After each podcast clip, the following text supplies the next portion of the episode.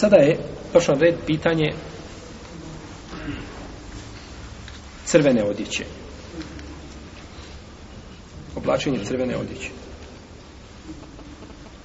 Islamski učenjaci se razilaze kada je u pitanju crvena odjeća. Da neko znači obuče crveni džoket, na primjer. Sad crven. Kakav je propis u tom pogledu? Ovdje ima sedam mišljenja različitih od islamskih učenjaka. Mi nećemo ispominjati, znači, ovaj, sva ta mišljenja, jedno po jedno, bojim se da to ne uzme puno vremena, a islamski učenjac to uvijek ta mišljenja koji ima puno, oni sažmu i objedine ih u jedno ili dva ili tri mišljenja, eventualno, tako. Imamo prvo mišljenje da je to mekru. Da je to mekru. I to je stav hanefijskih učenjaka i hambelijskih.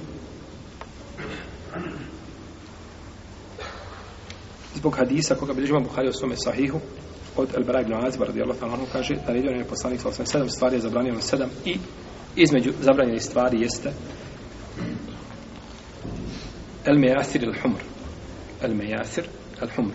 To su a, crveni jastuci.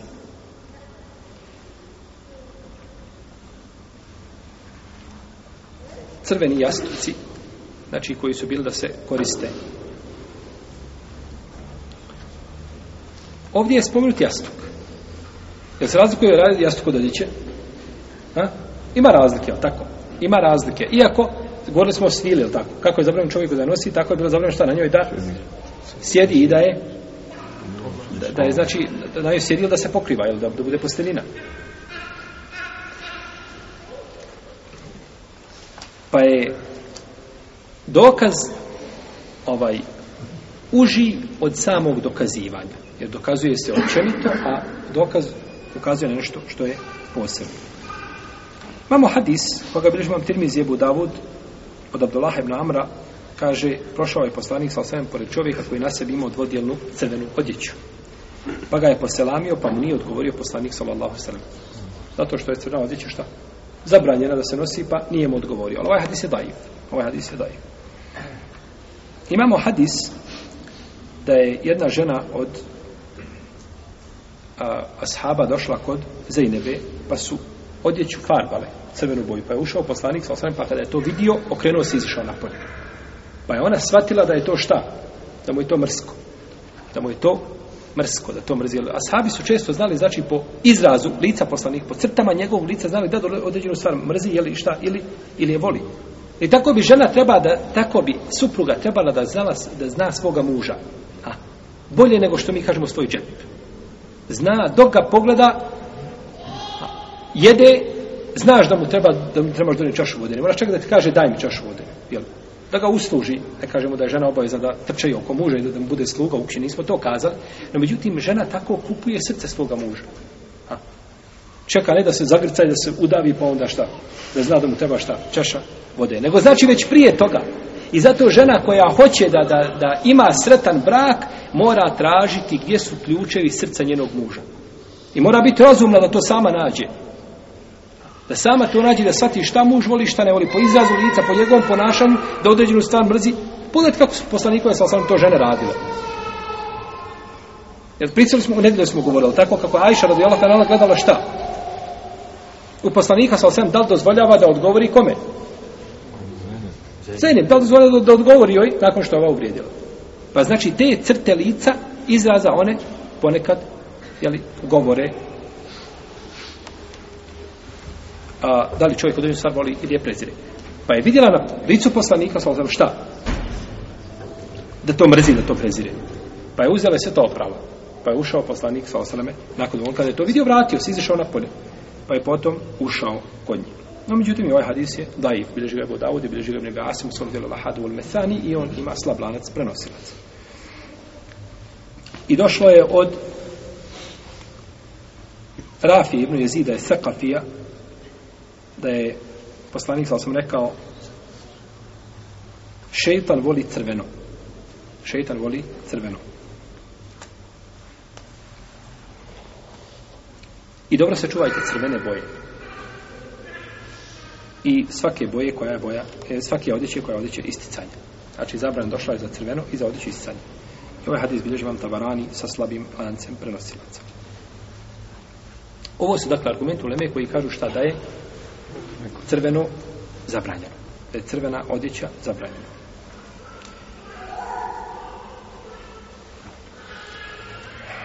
Ulema koja kaže da je crvena odjeća dozvoljena, To je stav Malikija i Šafija.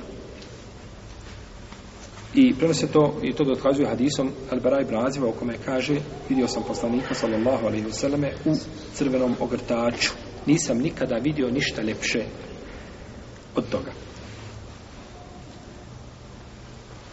I došlo je od, ovaj hadis bliži Buhari u svome sahihu, i došlo je od Džabira ibn Semur da je rekao, vidio sam poslanika, sallallahu alaihi vseleme, jedne a, mjesečeve noći. Znači, bila je mjesečina. Pa sam gledao u njega i u mjesec, a na njemu crvena odjeća. A on kod mene ljepši od mjeseca. Allah, Allah. Kaže on, kod mene ljepši od mjeseca. A ovaj, a sabi poslanika sa Allah su tako opsivali vjerovjesnik, ali i sa to sram, da je to ovaj, a, a, neuporedivo sa bilo čime. U predaji kod imama El Bejheke u njegovom dijelu Delajlu Nubuve ima, ima verzija koja ima dobar lanac prema sada Ebu Horire da je rekao Ebu Horire kaže a da je poslanik sa sam prišao o nekom zidu on bi ga osvijetlio stoji znači ispred zida ne vidite na zidu i sam poslanik priđe i to samo kao svjetlo, osvjetlio A kada je poslanik umro u Medin, kada je došao u Medinu, Medina se, kaže, posvijetila. Drugačija postala. A kada je umro, kaže, Medina se, ovaj nekakav mrak i nekakva ta, tama se spustila na Medinu. To je bereke, znači, boravka poslanika, sallallahu alaihi wa alaihi wa sallam. Pa kaže, on je kod mene bio ljepši od mjeseca. Ljepši od mjeseca. I Arapi mjesecom ukazuju na, na ljepotu. A suncem na sjaj. Pa se ne kaže lijepa kao sunce za ženu da kaže sa lijepa kao mjesec. Tako oni ili kada opisuju. Ali ovaj hadis drugi je dajiv.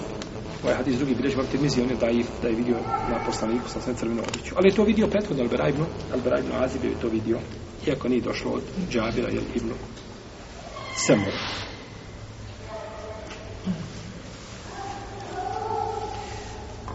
Wallahu alam, ovi argumenti uh, o, o zabrani imamo da je poslanik sam nosio odjeću, a zabrana je, došla je na jastucima, je došla, jeli, da je zabrana, da je poslanik sam to zabranio. Neka ulema kaže, i ako bi zabrana bila za odjeću, onda se odnosi na odjeću koja je crvena, ali čisto crvene boje. Znači imaš crvenu odjeću i nema ništa drugo po njoj. No, međutim, ako ima odjeća crvena po kojoj imaju nekakve pruge, nekakva druga boja, onda to ne bi bilo zabranjeno. Jel u redu? Crvena odjeća ima čovjek i po toj odjeći ima nešto od kakvih pruga, šari i slično tome, onda to neće biti zabranjeno jeli, muškarcima. Govorimo o kome odići muškaraca. Doćemo da odići žena. Ovo je znači zabranjeno muškarcima. Tako da je Ibn Kajim je odabrao znači ovo mišljenje da je, da je zabranjeno ako je čisto crvena boja. Ako je čisto crvena boja.